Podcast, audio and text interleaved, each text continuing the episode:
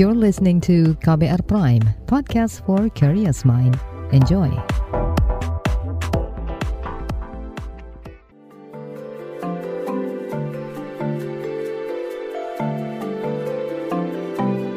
Saga, cerita tentang nama, peristiwa, dan fakta.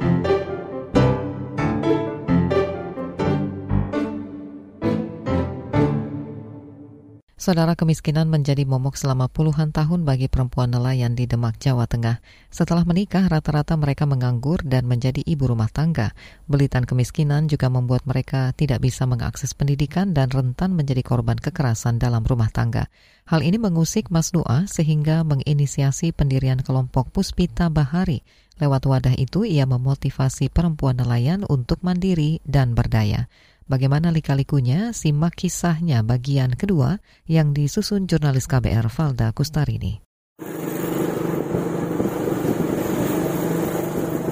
Jalan beton selebar 3 meter menyambut siapa pun yang berkunjung ke Duku Tambak Polo, Demak, Jawa Tengah. Untuk mengakses duku ini hanya ada dua pilihan, berjalan kaki atau naik motor. Di kanan kiri tersaji pemandangan tambak dan mangrove. Sekilas, tak ada yang spesial dari Tambak Polo. Namun, desa ini tercatat dalam sejarah sebagai desa pertama di Indonesia yang mengakui profesi perempuan nelayan. Pada 2018, ada 30-an perempuan yang kolom pekerjaannya di KTP berganti dari ibu rumah tangga menjadi nelayan. Salah satunya, Darwati. Satu tahun lamanya itu, Mbak. Itu toh, Mbak, udah ditandatangani Pak Lurah, toh, Mbak langsung pergi ke Dukcapil itu toh mbak seperti pawe. Dua motor mbak. Dua mobil mbak. Lah sejumlah 32 orang kok mbak. Itu toh mbak itu didampingi sama mbak Mas Nuah sama mbak Uminatu Soleha. Itu toh mbak Mas Nuah atau terharu kepada ibu-ibu semua sambil menangis mbak sama mbak Uminatu Soleha. Pengakuan sebagai perempuan nelayan didapat setelah setahun berjuang bersama Puspita Bahari dan Persatuan Perempuan Nelayan Indonesia PPNI. Prosesnya tak mudah karena masih ada kungkungan budaya patriarkis yang diyakini mayoritas warga hingga perangkat desa. Awak EDW to Mbak pergi ke balai desa Mbak. Pak Lurah itu Mbak nggak percaya kalau di sini itu ada perempuan nelayan. Pernah ditantang sama Pak Lurah. Wong wedok kuwi masak, masak, mana. Jarine ngomongnya Pak Lurah.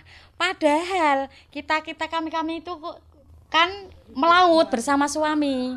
Padahal Darwati sudah lebih dari 15 tahun melaut, menangkap ikan bersama suaminya. Namun, aktivitas ini mesti dilakukan sembunyi-sembunyi, lantaran perempuan yang melaut dianggap memalukan. Dulunya toh, Mbak, aku jaring kita, Mbak, wong wedok-wedok don jaring kabeh tuh, Mbak. Dulunya itu malu, Mbak. Karena diolok-olok lah wong wedok jaring, wong wedok jaring ngono, Mbak. Kan itu itu kan belum diakui. Sekarang diakui toh, Mbak, malah orang sin.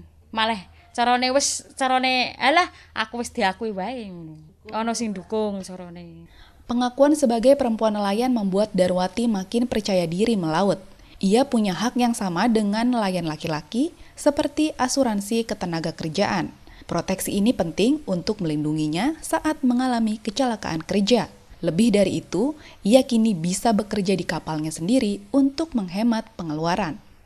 Lah saumpamanya Mbak, kalau cari ABK Mbak, ABK sekarang kan susah. Kan udah do punya perahu semua tuh Mbak. Seandainya Mbak itu penghasilan 100 ribu, dikasihkan sama ABK 25, kan masih 75 Mbak. Ya ora cukup tuh Mbak kanggo sak keluarga tuh Mbak sangune anak sekolah, engko urung perbakalan, urung mangane melalui edukasi untuk memahami pentingnya perlindungan. Terus akhirnya pendekatan kami untuk menyadarkan hak pentingnya perempuan ini mendapatkan perlindungan yang harus mereka diakui profesi sebagai nelayan yang dulunya ibu rumah tangga sehingga uh, itu mempermudah advokasi kami.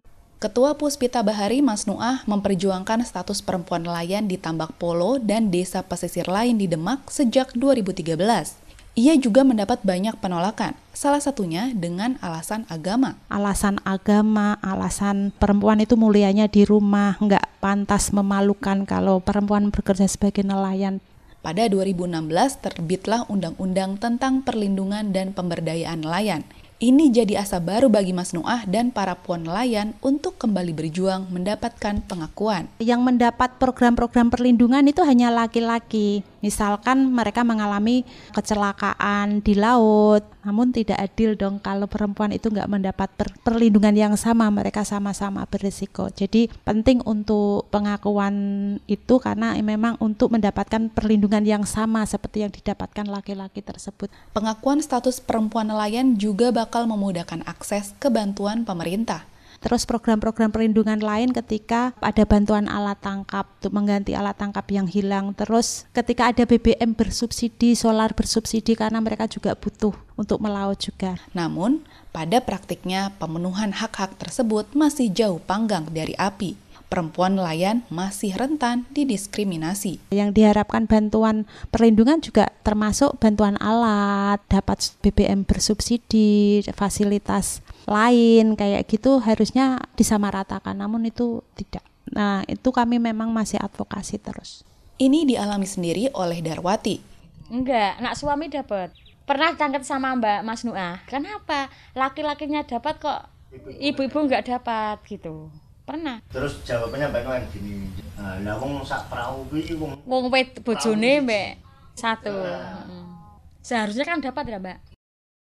Menurut Mas Nuah, berbagai alasan digunakan untuk mendiskriminasi perempuan nelayan bahkan setelah statusnya diakui negara. Ya, kayak untuk akses administrasi juga dipersulit dari pihak pemerintah desa bahkan dari Dinas Kelautan Perikanannya pun sampai ini juga kurang mendukung Beragam tantangan ini tak menyurutkan langkah Mas Nuah dan rekan-rekannya untuk tetap berjuang, menghapus diskriminasi, dan menggapai kesetaraan. Jadi selain itu juga advokasi hak-hak profesi perempuan nelayan tadi dan kami masih tidak berhenti di situ saja Mbak. Belum puas hanya 32 perempuan nelayan yang diakui. Kami harus akan menyisir di mana ada perempuan-perempuan nelayan itu yang kita bantu untuk mendapatkan perlindungan yang seharusnya. Demikian Saga KBR, saya Valda Kustarini.